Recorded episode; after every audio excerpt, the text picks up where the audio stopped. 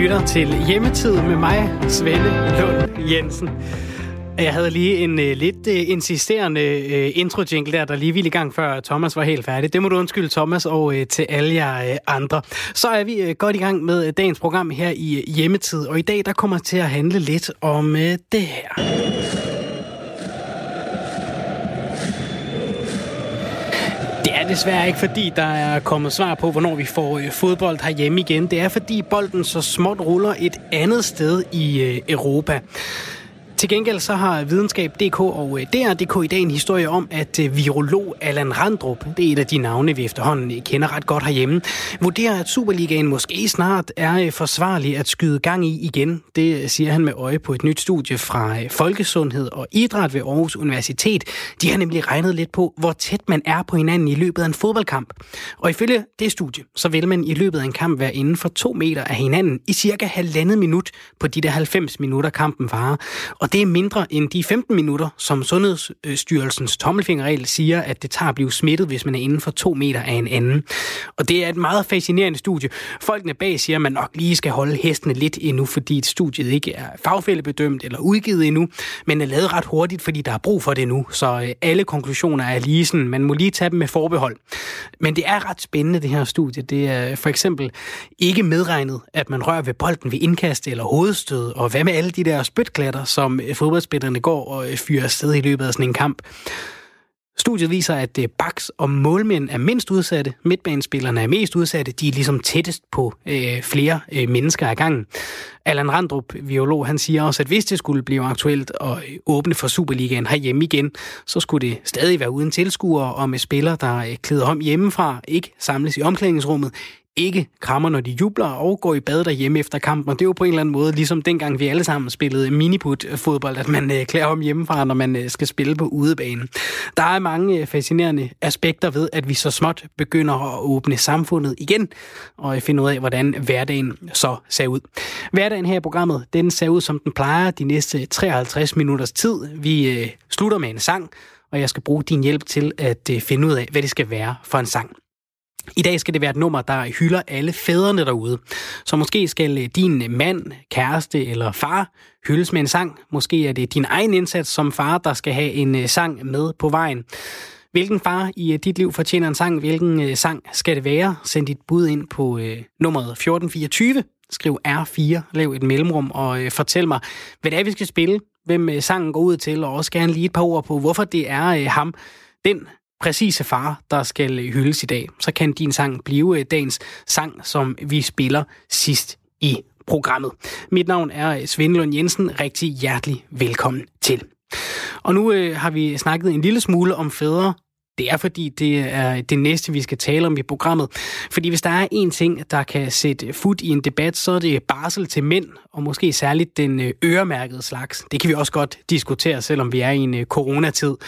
Det er noget, vi efterhånden har snakket om længe, fordi danske fædre i gennemsnit tager betydeligt færre barselsdage end mødre, og fordi der særligt i de senere år er kommet fokus på øh, farrollen. Og øh, for godt og vel halvandet år siden, i januar 2019, der besluttede EU at øremærke 8 uger til mændene. Hvis ikke far holder dem, så frafalder ugerne. Dem har vi to af herhjemme i Danmark i øjeblikket. Det er ikke noget, der er trådt i kraft endnu, det her EU. Øh, øh, et tiltag, målet er, at det skal være indført inden øh, 2022.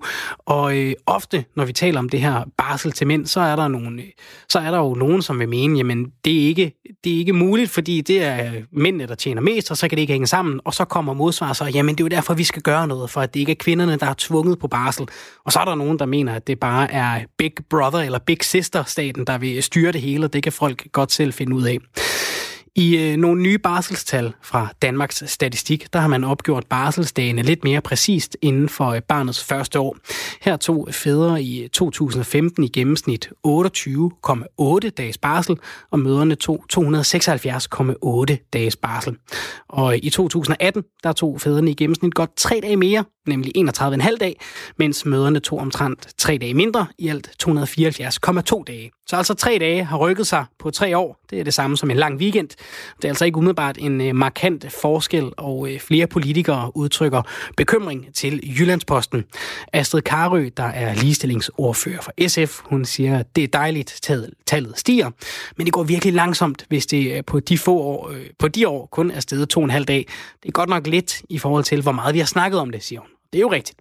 En af dem, der har været med til at uh, tale om det her, det er uh, med at være far på barsel. Det er dig, Thomas Skov. Du er Head of Entertainment ved øh, podcastplatformen Podimo og forfatter til bogen Hvad enhver far bør vide. Og så er du meget passende far til to børn, Ellen og Otto, på knap 5 og 2. Velkommen til programmet, Thomas. Ja, tak. Tak for det. Du har selv taget en aktiv rolle i at, at tale om farrollen og tale farrollen op øh, sådan i, i den offentlige debat. Hvorfor synes du, det er vigtigt? Jeg synes, jeg har savnet nogle fædre at spejle mig i, for man kan sige, at jeg er søn af en øh, generation af fædre, som ikke er nødvendigt for lige så øh, involveret og, og aktiv, som, som jeg og, og sikkert også du og, og vi er. Så derfor synes jeg, det er vigtigt, at, at vi fædre taler med hinanden om, både hvordan det er at være far, både om de gode ting og, og de dårlige ting, og ja, for eksempel også om, om barsel. Og hvis vi tager fat på barsel, hvordan har din barsel så været? Du har haft øh, to skud i bøssen til at, at, at prøve øh, barsel. Hvad, hvad har du gjort ved, ved den ene og den anden? Jamen, jeg har, øh, jeg har haft omkring øh, tre måneder sådan øh, decideret øh, barsel øh, med begge to, øh, hvor, øh, hvor Emilie, min hustru, var tilbage på arbejde, og jeg så øh, tog tøjlerne. Øh, og det, det har været en vidunderlig øh, tid, det må jeg bare sige. Hvordan, hvad har det betydet, hvis du kan prøve at sætte lidt flere ord på, hvad har det betydet for, for forholdet mellem dig og dine børn? Jamen, klart det der med så ligesom at have, øh, have teten og, og vise både sine børn og, og, og sin hustru og sig selv, at man, man jo sagtens kan, kan være en, øh, en god far og sagtens kan, kan holde styr på sådan et par, par snotunger. Det, det, er jo, det er jo vigtigt for, for børnene og for, for parforholdet, og også for, for vores relation på længere sigt, altså børnene og jeg. Det der med at vise, at jeg er en lige så aktiv del af, af det her, som, øh, som moren er. Og er det noget, har det, har det kostet noget, at, at du sagde, nej, nu tager jeg simpelthen barsel med, med mine børn, fordi det vil jeg. Har det kostet dig noget rent professionelt? Øh, det, det har jeg ganske givet. Det er ikke noget, jeg sådan har siddet og, og, og gjort op eller godt snot over.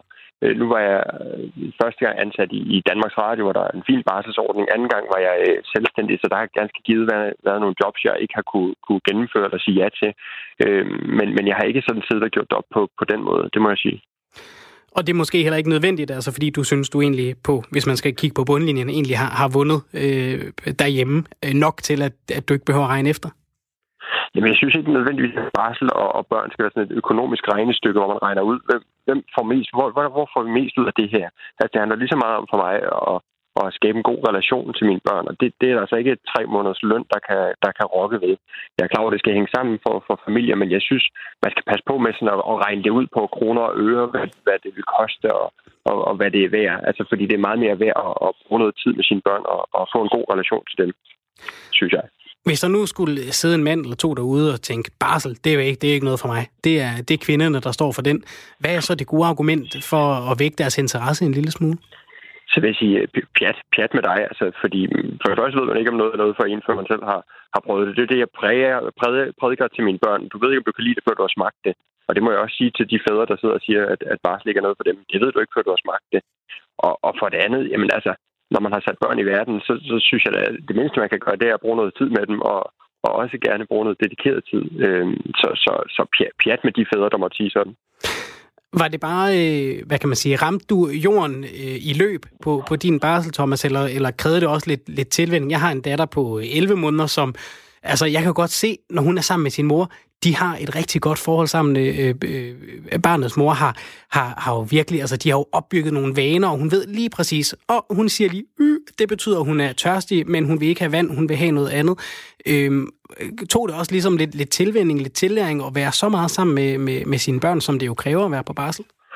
Jamen, det er klart, man lurer jo hinandens øh, vaner og, og uvaner, og finder også nogle gange ud af, hvad der, hvad der virker og hvad der ikke øh, virker ja, det var ikke sådan, at jeg først trådte ind i, øh, i hverken Ellen eller Ottos liv, da, da jeg selv gik på barsel. Jeg havde selvfølgelig også været en aktiv del af det øh, løbende. Men det er klart, når man lige pludselig står med det fulde ansvar og, og, og den, den fulde øh, tid, så, så, så øh, lærer man jo hinanden meget bedre at kende. Og man bliver også presset på nye måder. Altså jeg vil sige, at alle jobs, jeg nogensinde har haft, der har ikke været noget, der har presset mig så meget som at, at være på barsel. Altså rent lavpraktiske ting, som kan jeg, kan jeg nå på toilettet, inden hun vågner, og kan jeg nå at drikke en kop kaffe, inden hun vågner, og hvordan får vi mad med hister her? Altså, det, det, det er en logistisk udfordring også. Øhm, så, så, øh, så, så hvis man ser på det som en, øh, et, et arbejde, så, så er det virkelig et arbejde, der holder dig på stikkerne. Men man skal ikke se det som et arbejde. Man skal se det som en fantastisk tid med sine, sine kære små. Og øh, du har skrevet en bog om det her, Thomas, og du er også derfor blevet en af dem, som sådan nogen som os, eller øh, Aftenshowet, eller hvem det nu måtte være, ringer til, når, når vi snakker om farrollen. Øh, og vi har talt rigtig meget om det. Du har, du har lavet mange af de her interviews de sidste par år, og vi kan jo så se på tallene, det har ikke rykket sig sønderligt meget. Det har rykket sig en lang weekend fra 2015 til 2018. Er det en af de der ting i vores samfund, som bare er svært at lave om på, fordi det er sådan, det er? Eller skal vi snakke mere om det? Øh, hvad tror du, der, der, der er udslagsgivende der? Jamen, jeg tror helt klart, at vi skal snakke mere om det. Jeg tror også, det har været naivt at tænke, at det bare vil så markant meget bare, bare på, på, på kort tid. Så, så det er jo klart, at det, det, er jo, det er jo et stort skib, der skal vende, så vi skal blive ved med at snakke om det. Vi skal blive ved med at flage for, hvor fedt det er at være på barsel, og hvor meget øh, det betyder, og hvor vigtigt det er. Øh, fordi det, det har været sådan i mange år. Det kan man ikke bare ændre lige hen over et, øh, et par år. Øhm, men, men det vil sige, altså, Jamen, det tror jeg godt, at, at I laver det her indslag, og I bliver ved med at lave det indslag. Du må altid ringe til mig, for jeg vil hjertens gerne fortælle om, hvor fedt det er at være far. Det er dejligt, Thomas. Ellers så må du blive ved med at få øh, flere børn, og blive ved med at gå på længere og længere barsel, så du sidst bare kører ni måneder, for bare at bevise din pointe. Jeg kan sagtens øh, gøre mit til at trække statistikken i den rigtige retning. Det vil jeg godt øh, påtage mig det ansvar. Hvad, hvilke reaktioner har du sådan mødt, når, når, når du har fortalt, at du øh, går på barsel? Fordi det er jo stadig en, det er ikke en, en normal ting, at, øh, at øh, manden tager meget barsel herhjemme. Jeg vil sige, det er faktisk det er sjovt, der hvor det har ændret sig mest er inde i mig selv, fordi jeg gik på barsel med Ellen for, for ja, snart fire, fire år siden. Der, der, der kunne jeg selv føle, at eller der tænkte jeg selv, det er sgu lidt, kan jeg gå med en bar- barnesel eller sådan en bæresel her, og kan, hvordan kan jeg gå til babysalmesang, og hvordan fanden... Og jeg slapper mere med, meget mere af i det. Med Otto var det jo en lejr, det mest naturlige i verden, det er på barsel. Så inde i mig selv er der sket en, en ændring. Øhm, hvordan det, det ser ud, når jeg, når jeg taler med folk, det har jeg ikke tænkt så meget over. Altså, jeg får en del af, af Jylland øh, og vokset op i en tid, hvor fædre ikke gik på barsel. Så jeg tror da også nok, min, min far han, han fik da et, et chok over, at jeg tog så meget barsel. Men jeg tror da også, hvis han kunne, så havde han sikkert rejst tilbage i tiden og havde gjort det samme. Så, øh, så jeg håber da, at der er nogen, der bliver inspireret til selv at, at tage noget tid. Det behøver ikke være tre måneder. Man kan bare tage det, der lige sådan er, men, men jeg kan kun anbefale Så måske er det en af de der ting, der ikke ændrer sig på 3, 4, 5 år, når vi lige snakker om det med noget, der rykker sig en generation, og når Otto selv får et barn og skal på barsel, så kan det være, at det er det mest naturlige i verden, at øh, han tager en, en, en, god, en god del af det. Jeg skal i hvert fald snakke med ham om, det skal han gøre. Man kan sige, hvis det rykker sig cirka en dag per år, og han får barn om 30 år, så er det jo 30, 30 dages mere barsel til, til ham. Og så begynder det efterhånden at batte noget, ikke? Thomas Skov, øh, vi gør det her i programmet, at vi slutter hvert program med en sang, og øh, fordi vi taler om det her med øh, barsel i dag og øh, fædrerollen, vil du så ikke komme med et bud på en øh, god sang, man kunne spille, som er dedikeret til øh, en far, din far, dig selv som far? Øh, noget, der har, øh, der har far på en eller anden måde inde i tematikken omkring et, et nummer? Jo, det, det, det, oh her, det, det, det, den eneste sang, jeg kender, hvor far er i titlen, er sådan noget Daddy DJ, og det ja, tror jeg alligevel ikke skulle sætte nogen for.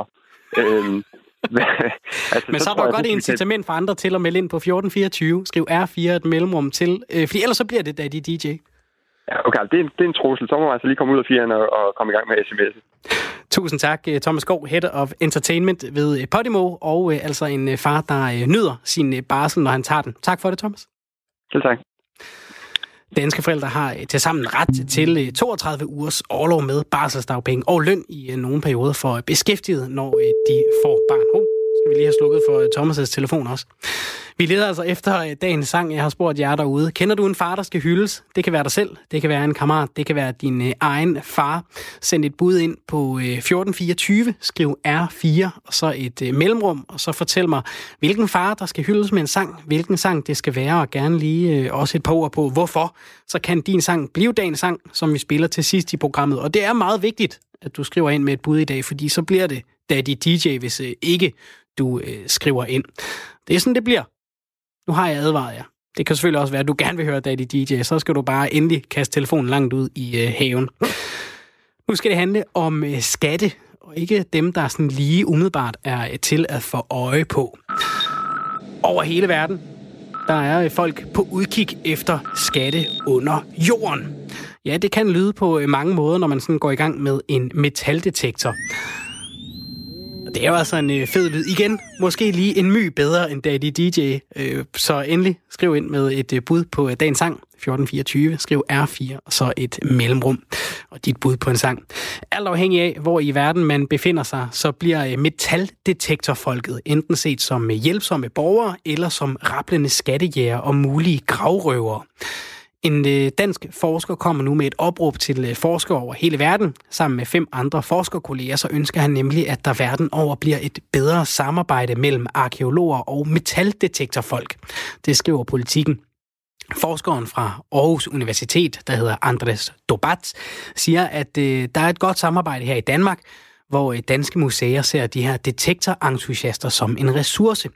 Alene sidste år fik museerne registreret omkring 40.000 arkeologiske fund, blandt andet med hjælp fra alle de her glade amatører. Danmark er helt unik på det her felt. Det har vist sig, at amatørernes fund i de seneste årtier har vendt op og ned på vores billede af oldtidssamfundet. Det har ham her Andres Dobat sagt til øh, politikken. Derfor ønsker han også, at man i flere lande får øjnene op for værdien af det arbejde, som almindelige mennesker med en detaljedetektor kan udføre. Og en af dem, der hjælper ham på vej, det er dig, Allan Favreskov. Du er amatørarkeolog med en, med en metaldetektor. Velkommen til programmet. Tak. Først og fremmest, hvordan oplever du, at der bliver set på folk som dig, der går rundt og, øh, og råder lidt i jorden herhjemme? Jeg oplever det generelt som meget positivt. Altså, folk er super interesserede i, hvad vi går og finder, og øh, museerne de er utrolig glade for det, vi kommer med. Øh, og vi, vi føler, at vi har stor tillid hos øh, både museer og hos øh, borgerne rundt omkring. Hvad driver dig, Allan? Altså, er det et håb om at finde de, de nye guldhorn, et eller andet værdifuldt øh, pengemæssigt, eller, eller er det mere bare sådan en nysgerrighed og en øh, lyst til at se, om, om kunne man finde noget, der, der giver et lille fingerpege om, hvordan ting var engang? Det, er det mest spændende det er selvfølgelig at, at finde noget, som man ikke har fundet før.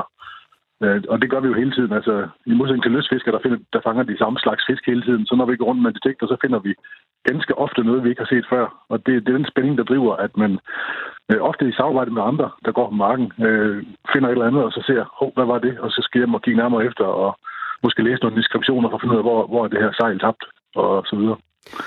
I øh, Tyskland og Frankrig, der ser man øh, lidt mindre mildt på øh, sådan nogen som dig. Der er en øh, fransk arkeolog, der hedder Thomas Lecroix, som øh, er offentligt ansat arkeolog i Frankrig. Han har, han har sagt i den her artikel øh, i Politiken, han citeret for at sige, arkeologer kan ikke samarbejde med, med metaldetektorfolk, for de er skattejæger, det har intet med arkeologi at gøre. Det har han skrevet i et svar til Politiken.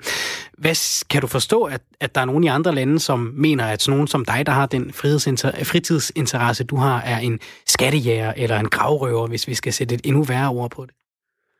Jamen, jeg kan næsten ikke beskrive, hvor uenig jeg er med den udtalelse. Altså, det virker som noget fra 1800 eller andet, at man kan sige sådan noget, men altså, det virker som, at han stoler slet ikke på sine egne borgere og tvinger dem der til, med til at, kan man sige, eller han, han, det, det, det, han egentlig gør, det er, at han, han forhindrer dem, der som i Danmark går øh, og hjælper museerne, i at hjælpe ham.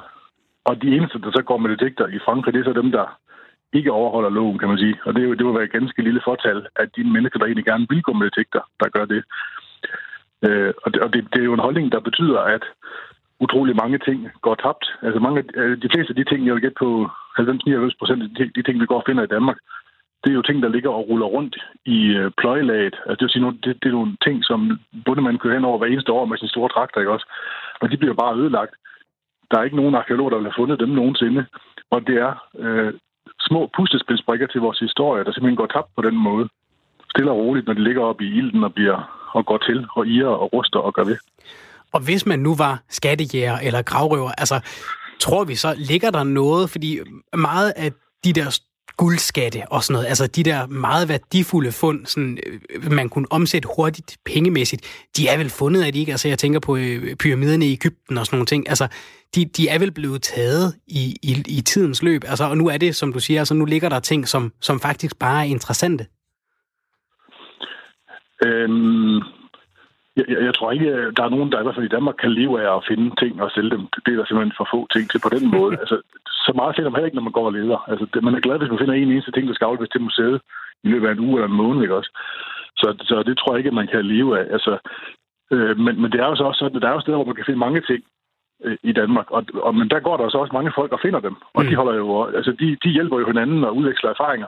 Så der kan man jo ikke gå og skjule sig og, og gemme ting for sig selv. Alle ved jo, hvad der er fundet. Alle lægger det op og viser det frem og så videre, ikke også? Så, så det hele det er frem i lyset. Ja. Hvorimod, hvis man nu forestiller sig et, et hotspot i Frankrig, hvor der ikke har gået nogen, så kan det godt være, at en eller anden dag eller et eller andet kan gå ind og snige sig til at finde nogle ting, hvis det er ulovligt. Hvis nu det var lovligt, så er der gå en politimand og finde alle de her ting, og så vil det jo blive meget nemmere at holde justits med det. Mm.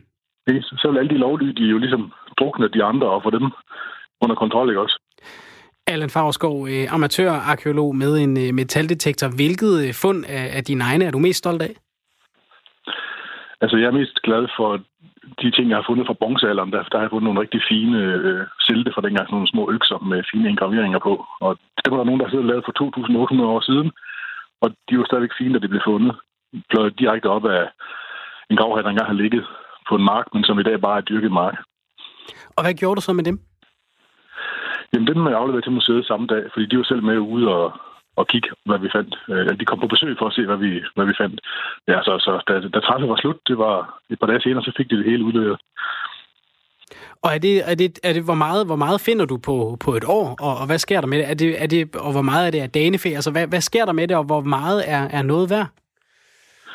Altså, jeg finder mange tusind ting på et år. Det er blandt uh, cirka 75 kilo affald, der bliver kørt til genbrug. og så, uh, måske, øh, det ved jeg ikke, nogle få hundrede gram ting, der bliver afleveret til museet, fordi de ganske små mønter osv., der vejer måske et halvt til to gram per mønt. Ikke? Og det der afleverer jeg måske mellem øh, 40 og 50 ting om året til museet, som, som jeg regner med bliver denne og så måske 100, som jeg er sikker på ikke bliver, men som er følgefund, som de gerne vil have også. Hvis man nu, øh, eller gerne vil give sig i kast med det her og ud og rode lidt i, i mulden i de her dage og se, om man kunne finde noget, hvor skal man så starte hen? Man skal starte med at få fat i en detektor, og der skal man passe på, at man ikke kører en, der er alt for billig. Der findes detektorforhandlere, man kan få rådgivning hos. Øh, så det er selvfølgelig vigtigt. at øh, køre ind i en butik og så få noget rådgivning. Der ligger en i hovedgård, og der findes øh, sikkert også på nettet, og så kan man ringe og spørge og få, få noget at vide om, hvad skal man vælge til det behov, man nu har.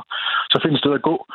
Det kan være, at du selv har noget jord med, så kan det være, at du bor i nærheden af en landmand, der kan give dig lov til at gå på hans marker, eller du kan gå ned på legepladsen og finde nogle penge dernede. Øh, og, og det er måske en meget fin pointe. Man skal spørge om lov, hvis ja. man går ud på marken. Man skal altid spørge om lov. Altså, man må ikke gå nogle steder, hvor man ikke har fået lov, og der findes også steder, hvor man ikke må gå. Det skal man også lige sætte sig ind i. Og det kan man læse masser om på nettet. Man kan fx gå ind på min egen hjemmeside, bundejern.dk. Der er der en masse forklaringer på, hvad man må og hvad man ikke må, og en masse gode råd til, hvor man kan søge hen. Og det er, også, det er også vigtigt, at man går ind og kigger efter på, på Facebook-grupper og sådan noget, for at se, hvad er det egentlig, der bliver fundet sådan at man øh, ikke kommer til at smide noget ud, der kunne være interessant. Altså sådan en lille mønt fra 1300-tallet, den ligner bare en lille spændskive. Så der, der skal man lige se sådan nogen, så man ved, at det er ikke noget, man skal smide ud, fordi det er en vigtig mønt, som øh, museet gerne vil have. Hvad skal man gøre? Øh, hvad skal man tage på? Er der noget særligt øh, tøj, der er velegnet til at kaste sig ud som amatørarkeolog? Du skal i hvert fald have noget, hvor der er nogle lommer i, så du kan putte en, en stor lomme til de gode for en lille lomme til alt affald, ikke også? For du skal selvfølgelig tage alt affald med, når du har gravet det op og så skal du også dække hullerne til ud på marken bagefter. Men øh, det, det er vigtigt at have en fundpose eller nogle lommer, man kan putte øh, sit affald i, så man kan få det med hjem i bilen i en spand. Og så øh, skal man selvfølgelig have noget tøj, der, der, der matcher vejret, og det svinger jo hele tiden i Danmark. Men øh, det, det, ja, det er vel det. Allan, øh, vi har lige to minutter før, der er et nyhedsoverblik her. Har du en gang, hvor du har fundet noget, hvor du har tænkt, enten før du fik det op af jorden, eller da det kom op, hvor du har tænkt, hold da op, det her det er godt. Og så var det det slet ikke. Ja, altså, jeg gik øh, ude ved siden af en bondegård en dag, hvor det var ved at blive mørkt, og jeg var begyndt sådan at søge lidt hen mod bilen, men bumbu, så var der lige signal, og så lå der sammen en fin hollandsk guldmønt fra 1400-tallet. Det var alligevel en, hvor at, øh, øjnene lige blev slået op der. Og så gik jeg, så lå jeg bare detektor hele ligge og gik direkte ind til bundemanden, der lige kom hjem på sin traktor og viste ham den der mønt, og fik øh, en god snak og en kop kaffe, og jeg blev også inviteret på mad og alting. så der hyggede vi. Det synes vi, det var spændende. Så den, øh, den er jeg også spændt på at se, hvad museet siger til. Men øh, vi kunne jo straks se, hvad det var for en mønt, fordi den var jo i perfekt stand. Når det er ja. guld, så går det jo ikke til. Og hvad så? så er, er, det, er der så også lidt en forhandling mellem dig og bundemanden om, hvis mønt er det her egentlig? Nej, altså rent er ret klar. Det finder øh, mønt. Altså kan man sige, det er også mig, der har brugt tusind timer på at finde den. Men det er, jeg sørger selvfølgelig også for, at bundemanden får noget ud af det. altså, jeg kører ud til hver jul og giver ham en uh, kurv med vin og det kan jeg ikke også, uanset om jeg har fundet noget eller ej, sådan set. Så okay. det, øh, det, det, det har ikke nogen speciel overskudsforretning på den måde. Men det kan da godt være, når nu, at hvis der kommer en god dosør på et eller andet, at jeg så også lige giver en ekstra god flaske om det år. Så øh, klør man øh, både man lidt på ryggen, og så klør han lidt igen ved, og lader der gå og kratte i jorden? Ja, og så giver jeg ham også øh, billeder af alle de ting, der er fundet, så han ved nok, hvad der er fundet. Og hvis okay. jeg får danefæt breve på noget, så får han også en kopi af dem. Det, det er lidt op til, hvem man nu er. Men det gør jeg altid, fordi så ved han præcis, om øh, det bliver rig eller fattig at gå på hans mark. Og det, det er som regel ikke ligefrem rig. Tusind tak, Allan Fagerskov, amatørarkeolog, for at gøre os lidt klogere på, hvad man kan gøre med en metaldetektor. Velkommen. Her er der et nyhedsoverblik klokken halv 10. Her er nyhederne på Radio 4. Italien er et af de, ramme, der er hårdest, et af de lande, der er hårdest ramt af coronavirus. Derfor blev der opfordret til, at andre EU-lande skulle hjælpe Italien med eksempelvis personale og respiratorer. Italien har imidlertid sagt nej tak til det danske bidrag om respiratorer, det siger forsvarsminister Trine Bramsen til politikken. Vi har modtaget et svar mundtligt om, at Italien på nuværende tidspunkt ikke har behov for respiratorerne. Felthospitalet udstår der stadig en beslutning på. Vi har selvfølgelig bedt om at få det svar angående respiratorerne på skrift, det har vi endnu ikke modtaget, siger Trine Bremsen til politikken. Danmark fremlagde i starten af april et tilbud om at sende respiratorer til Italien. De mødte dog kritik for at være for gamle og ubrugelige. Sidenhen har regionerne vurderet, at det var muligt at undvære 10-13 respiratorer. Det fremgår et svar fra regionerne til Sundhedsstyrelsen, som Radio 4 er i besiddelse af.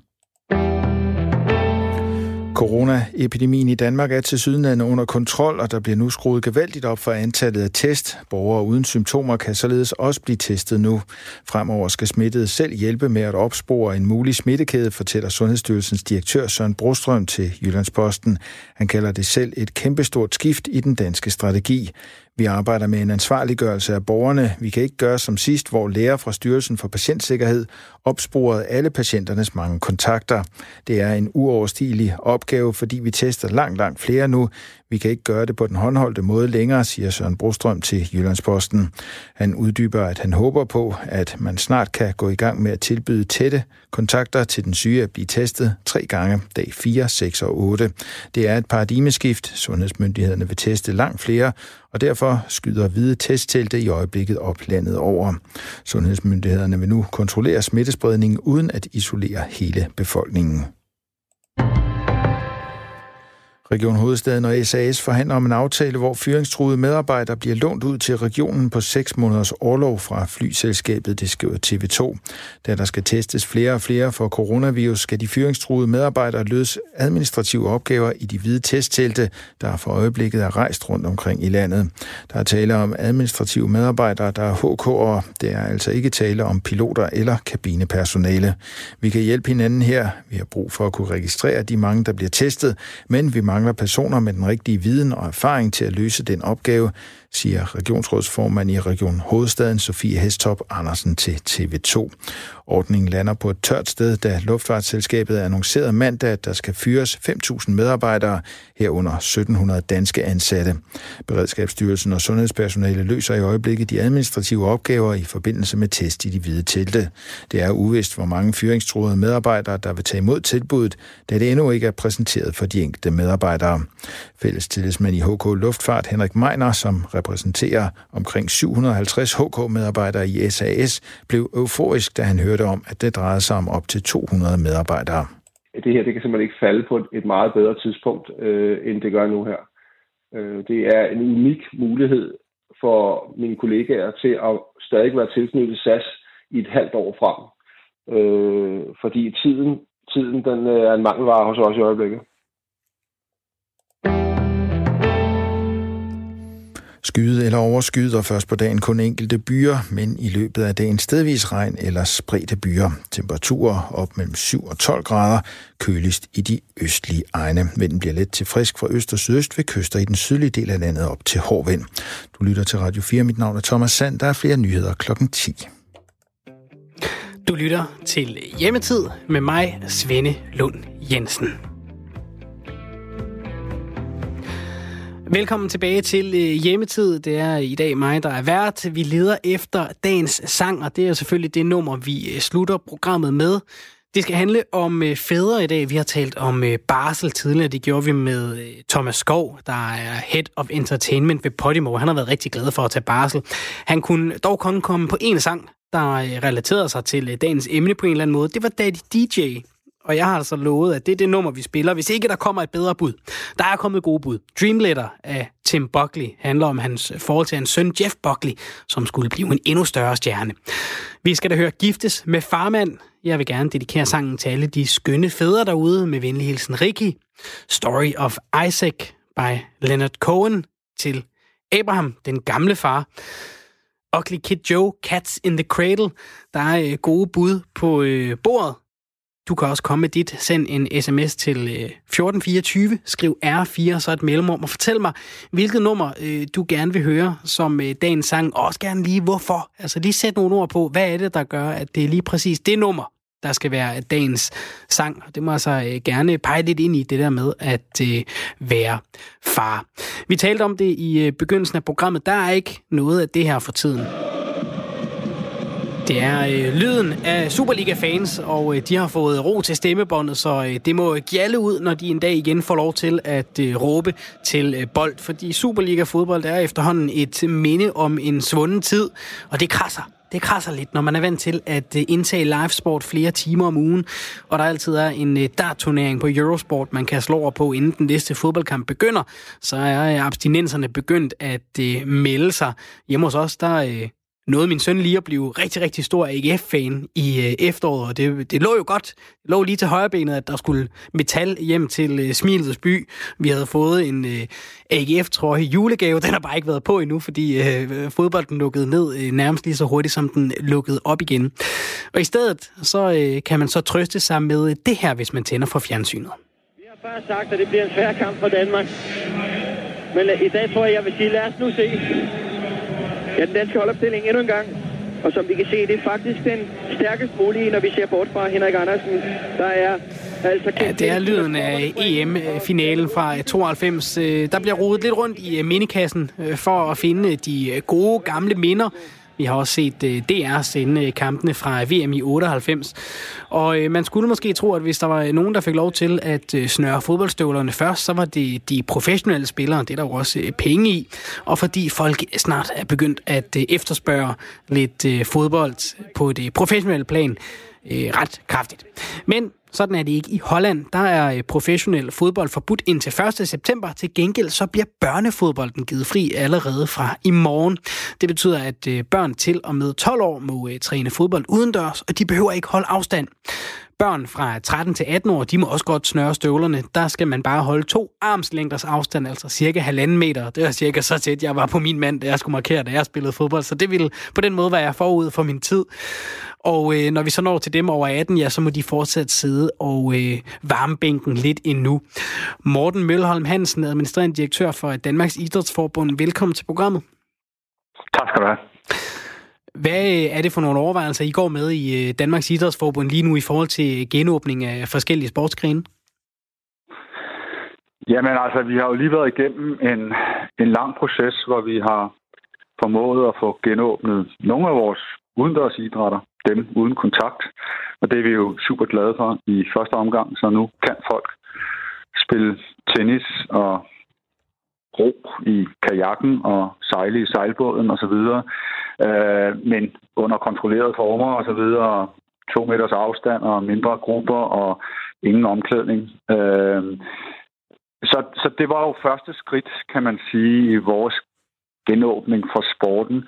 Øh, og, og nu arbejder vi selvfølgelig videre med, med de idrætter, der ikke er blevet genåbnet, og vi arbejder også øh, i, i godt samarbejde med, med fodbolden videre, både omkring øh, den professionelle fodbold og, og bredde fodbolden. Men jeg bliver der svar skyldig på, hvornår det sker, fordi vi lever bare i en tid, hvor, hvor det er lidt svært at sige helt præcist, hvornår kan man gøre det. Vi øh, er i dialog med, alle mulige myndigheder omkring det. Vi er en sektor, der tager det enormt alvorligt, at vi skal være forsigtige øh, og bidrage til, at der ikke sker smittespredning. Omvendt har vi jo også brug for at komme ud og bevæge os, og jeg tror, øh, jeg, jeg er jo helt enig med dig. Jeg, jeg savner også at se noget fodbold på skærmen. Jeg kan fortælle dig om mit favorithold, Leeds United fra England. De ja. lå endelig til oprykning til Premier League efter jeg ved ikke hvor mange, 15 års forgæves forsøg, og så skal sæsonen selvfølgelig blive kottet af. Så jeg er også spændt på at se, hvornår, om det bliver genoptaget, og om mm. de overhovedet rykker op. Så jeg tror, vi har det alle sammen på den måde, og vi gør alt, hvad vi kan for at se, om vi kan få øh, snart lavet en gradvis genåbning, om det så både er professionel fodbold og bredde fodbold. Men hvornår det præcis sker, og på hvilken måde det sker på, der bliver der simpelthen svar skyldig. Øh, men det er klart, at vi, vi opererer med, med ting, der hedder, at man så må starte med at, at lave træning i, i bredde fodboldklubberne, hvor, hvor der ikke er kontakt.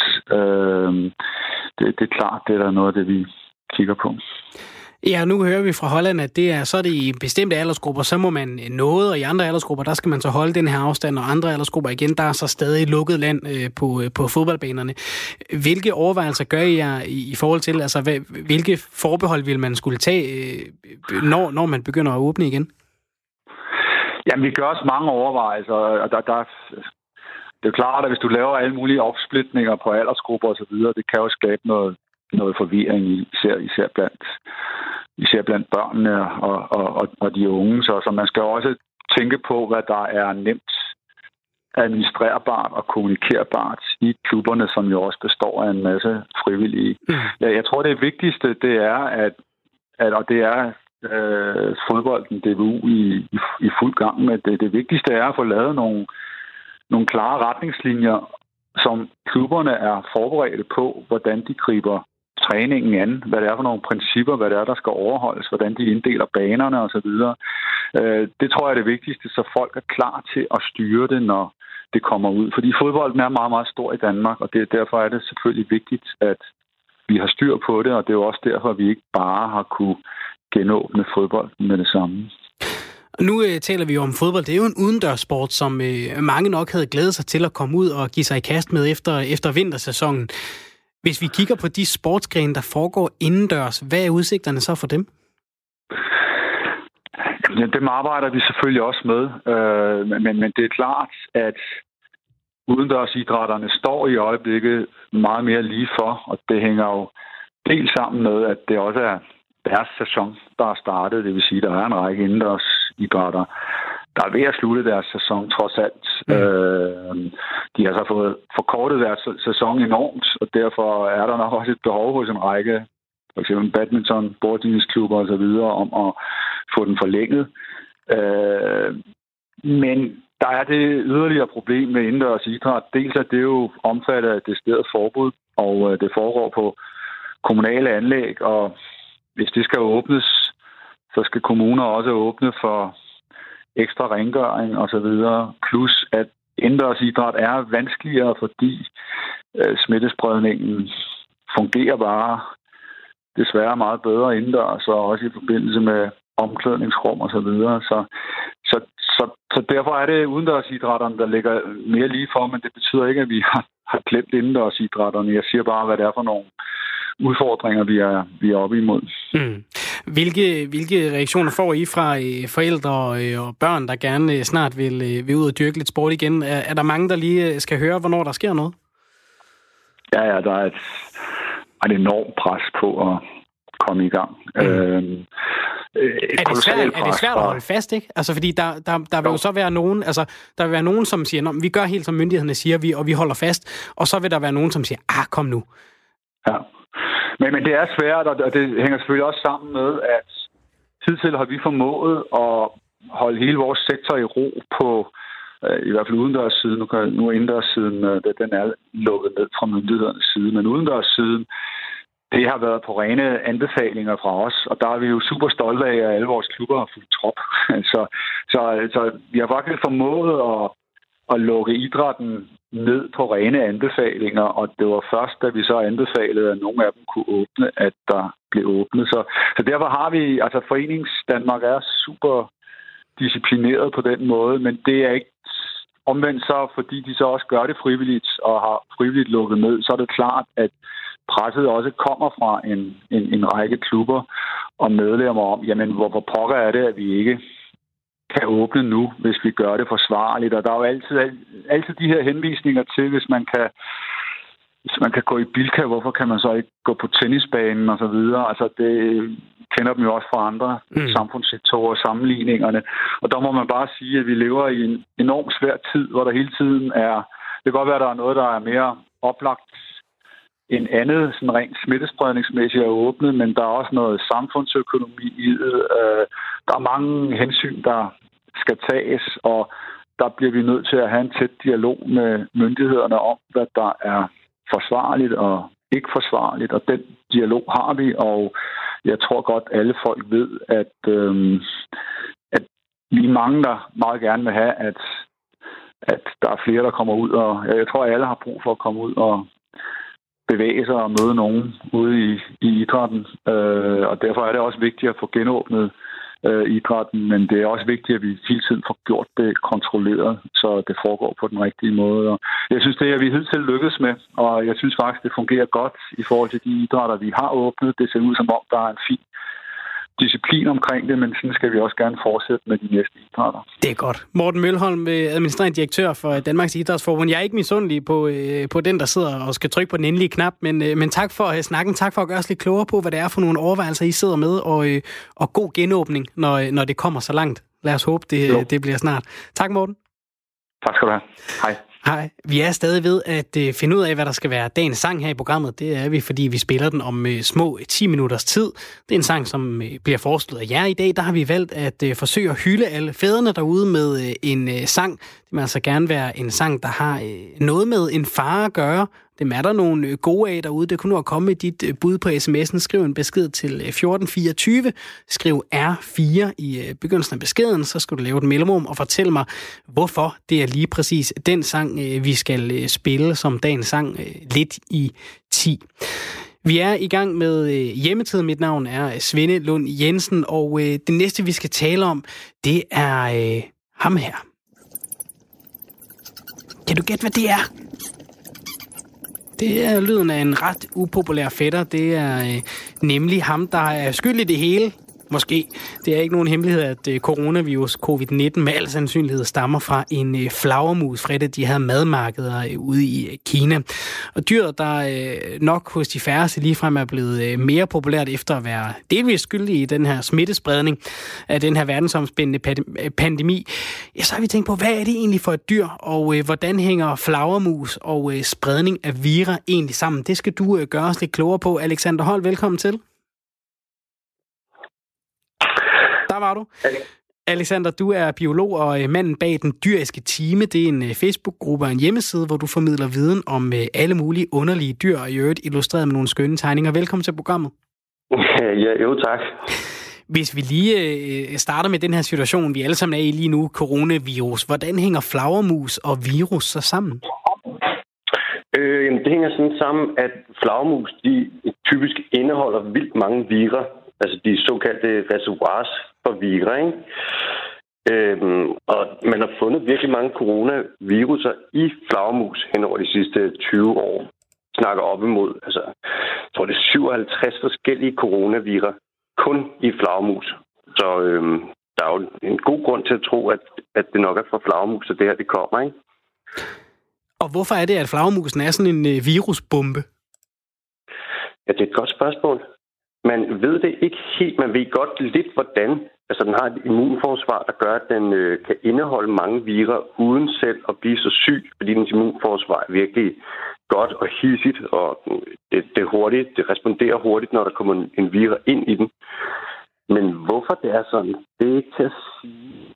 Jeg vil sige, hvis jeg skulle gætte, må jeg godt det? Ja, endelig. Det er et gæt, det her. Ja, så tror jeg, det er fordi, at de lever i så store flokke, nogle flagmus. Det er jo ikke unormalt, at du har flagmusflokke på flere millioner individer. Og så kan det, forstå det jo ikke, at, du, øh, at de smitter hinanden fuldstændig vildt og øh, på den måde der. Mm. Jeg tror, det er lidt sådan, på at forestille, at du har 3 millioner flagmus, der sidder op og ned af hinanden, og der så er en, der bliver syg, og så lægger hele flokken ned. Ja. Det går jo ikke. Det er jo ligesom, når du møder ind på kontoret med influenza, hvis du så bare gjorde det hver dag. Det ville være rigtig slemt. Ja. Okay. Det er, jo så, det er jo så flagmusen mere generelt, og vi har jo så ligesom en formodning om, at det er, det er begyndt med en flagmus eller 3 millioner ude i, ude i Kina. Øhm, hvad med herhjemme? Hvad er det for nogle flagmus, vi har hjemme? Jeg har stået og fodret nogen nede i Randers Regnskov. Det var vildt uhyggeligt, fordi det er en flagmus. Og man, er ligesom, man har ligesom en formodning om, det er ikke en hundevalp, det her. Den er sådan lidt et, et andet slags dyr. Hvor lever ja. de herhjemme? Hvor kan vi finde dem? Har vi flere forskellige? Ja, vi har en del forskellige. Du blev ikke bidt, da du var ude i Randers og fået det der flagmus, vel? Nej, nej, det er ikke mig, der er skyld i det her. Du skal ikke Nå, begynde at pege pilen herhen. Nej, vi skal gerne finde patient 20, jo. Øhm, altså, i Danmark, der har vi øh, et sted mellem 13 og 17 arter. Og det svinger lidt, fordi altså, der er 13 arter, som man finder mere ofte, og så er der fire arter, som man lige har stødt på på et tidspunkt. Så hvis du for eksempel står til, hvis du er i Randers der, og du finder rundt, og du finder en eller anden flagmus, som normalt ikke findes i Danmark, men du alligevel registrerer den af dig, så kan man jo sådan lidt diskutere, om den så er, om man kan sige, den er iboende i Danmark. Ikke? Mm. Og det er vildt svært at undersøge, fordi flagmus, de er jo nataktive, og de er små, og de er hurtige, og de gemmer sig rigtig godt om dagen. Så det der med at sige præcis, hvor mange arter af flagmus, der er i Danmark, det kommer lidt an på, hvem du spørger. Hvis du spørger mig, så siger jeg, så siger jeg 14. Fordi okay. 13, det, det er lavt sat. Og 17, det er for højt. hvor, hvor finder man dem henne? I, lidt i skove er der flagmus, og så også sådan øh, ude over landarealer. Øhm, de kan godt lide åbne landskaber. De er ikke så glade for konventionelle marker, fordi der er ikke nogen insekter, fordi den dræber man med gift, og så er der mm. ikke noget mad til dem. Men hvis du har øh, økologisk landbrug, og du har ja, landbrug, hvor der er nogen, der ikke er så gode til ligesom at passe markerne, så det bare står lidt henne og bliver til noget lidt vildere, så er de helt tosset med det. Øhm, og man kan også finde sådan, altså, hvis du har gårde og sådan noget, hvor der er gamle lofter, så, så er det ikke unormalt at finde flagmus der. Jeg fandt selv en flagmus for 14 dage siden på min forældres gård. En lille dværgflagmus. Mm-hmm. Øhm, og man kan også se den tit, hvis man, altså også i København er der også flagmus. Jeg tror, der er 11 forskellige flagmus, der er blevet registreret i Fældeparken, for eksempel. Øh, Alexander, det lyder lidt som om, du sidder inde i en flagmusehule. Kan du, kan du måske bare lige prøve at tage et skridt til den ene eller den anden side, så kan vi se, om vi kan få et lidt klarere signal igennem til dig. Ja, øh, dejligt har, øh, har flagmusen en funktion herhjemme? Altså, er, har den, har den en, øh, noget, den gør i, økosystem, i økosystemet, som er godt, når den flyver rundt og, øh, og spiser insekter? Ja, bestemt. Den holder bestanden nede af mange insekter, som kan være skadelige for landbrugsafgrøder. Og så i Danmark, der har vi jo ikke nogen frugtflagmus, altså flagmus, der spiser frugt. Så vi har ikke nogen flagmus, der bestøver blomster i Danmark, men det har man i mange andre lande. Der er det en ret vigtig funktion, som flagmusene har. For eksempel så vil du ikke have tequila, hvis ikke der var for flagmus, der kunne okay. bestøve den øh, agave, som man laver tequila af. Og der er også mange flagmus, der spreder frø, når de render rundt og spiser små planter og finer og sådan, så flyver de rundt og spytter frø ud til højre og venstre og hjælper skoven med at, at sprede sig lidt, ikke? Alexander Pernille har skrevet en, hun har skrevet, jeg blev bit af en flagermus, da jeg var lille. Min mor og far var rimelig ubekymret. Nu havde de selvfølgelig også tre andre børn, men stadigvæk, hilsen Pernille. Skal man være bange, ja. hvis man bliver bit af en flagermus? Nej, jo, jo, det skal man faktisk. Altså nu, Pernille, det lyder som om, at hun er, er voksen, hun så hun er ikke et barn mere. Så hun har, hun har overlevet et par år med det her, ikke? Ja. Så jeg tror ikke, at hun har fået rabies eller er blevet en varulv eller sådan. Men man skal generelt være lidt påpasselig med, hvis man bliver bidt af en flagmus, fordi at de har så mange virer i sig. Mm. Og også de virer, der giver hundegalskab, dem kan du finde samtlige af dem, undtagen en. Jeg tror, det er 15 forskellige hundegalskabsvirer, som findes i flagmus. Okay.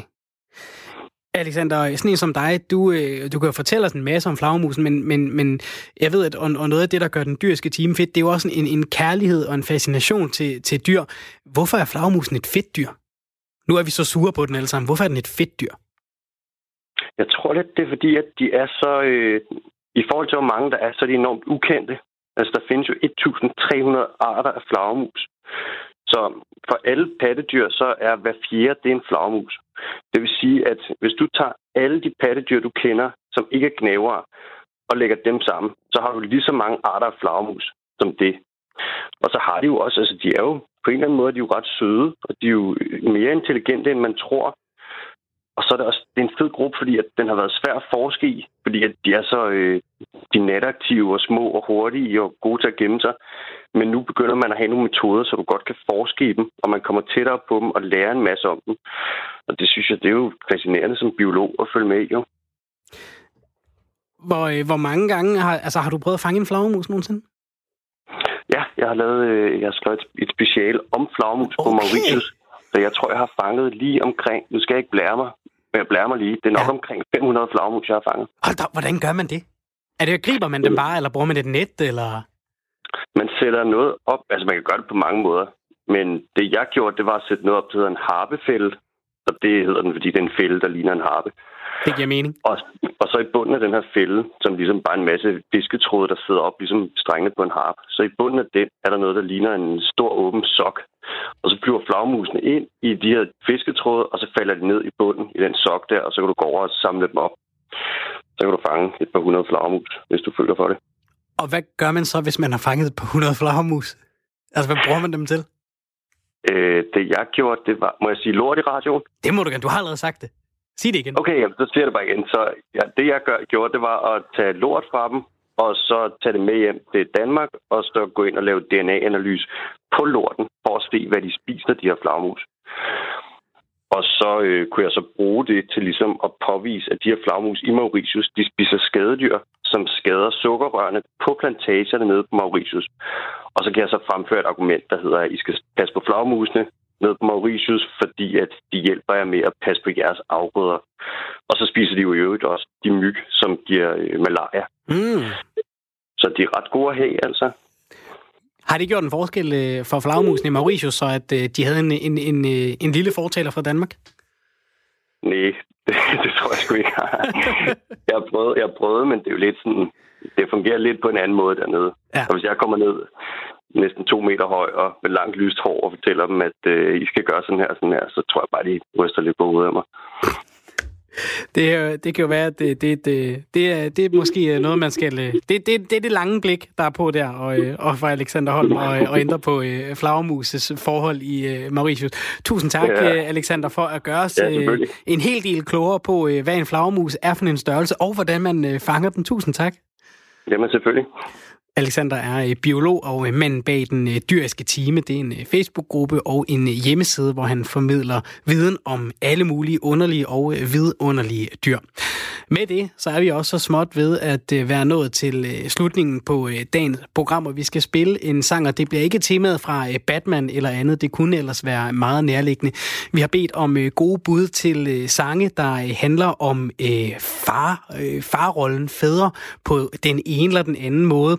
Farsangen fra far til fire er jo oplagt ellers noget af det aarhusianske Dad Rocks. Det er Svend for Aalborg, der har skrevet det ind. Og øh, så er der en, der har skrevet Skrøbelig hjerte med Anders Kjellrup. En sang, der har den fineste tekst til alle mennesker om øh, håb og øh, savn. Og så havde vi altså lidt den der trussel, der lå, øh, som øh, Thomas Skov nævnte i øh, begyndelsen af programmet med at spille Daddy DJ. Det gør jeg ikke, fordi der er kommet et godt bud.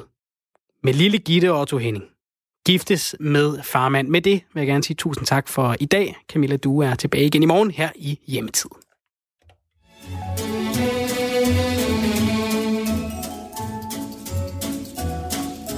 Datter er en vildkrabat, en rigtig charmetrol. Med mange kloge tanker i sin hestehale knold. Sød og sjov til lige, hun er farmands pige, og nu vil de sikkert le. Hun har nemlig fået en fix i det. Når jeg bliver en stor pige, så vil jeg giftes, giftes med farmand, for farmand er så rar. Det går ikke, Gitte, hvad vil som mor sige? Hun er det bedste, det bedste, som jeg har. Det ved jeg. Mm, der ser du. Jeg tager den nu med ro, for mor skal blive herhjemme,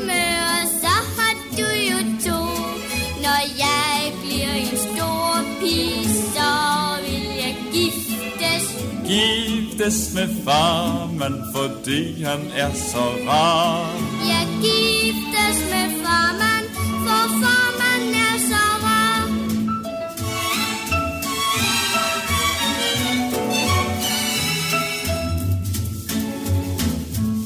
Så skal min farmen få det godt, og jeg skal være så sød.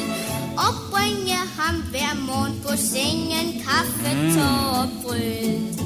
Farmand, vær nu ærlig, jeg er uundværlig, for det er jo bare mig, der kan finde knappen til dig. Når jeg bliver en stor pige, så vil jeg giftes, giftes med farmand, for farmand er så rar. Det går ikke, Gitte. Hvad vil som mor sige? Hun er det bedste, det bedste, som jeg har. Det ved jeg, Der ser du. jeg tager den nu med ro. Lille Gitte og Otto Henning giftes med farmand. Her får du et nyhedsoverblik.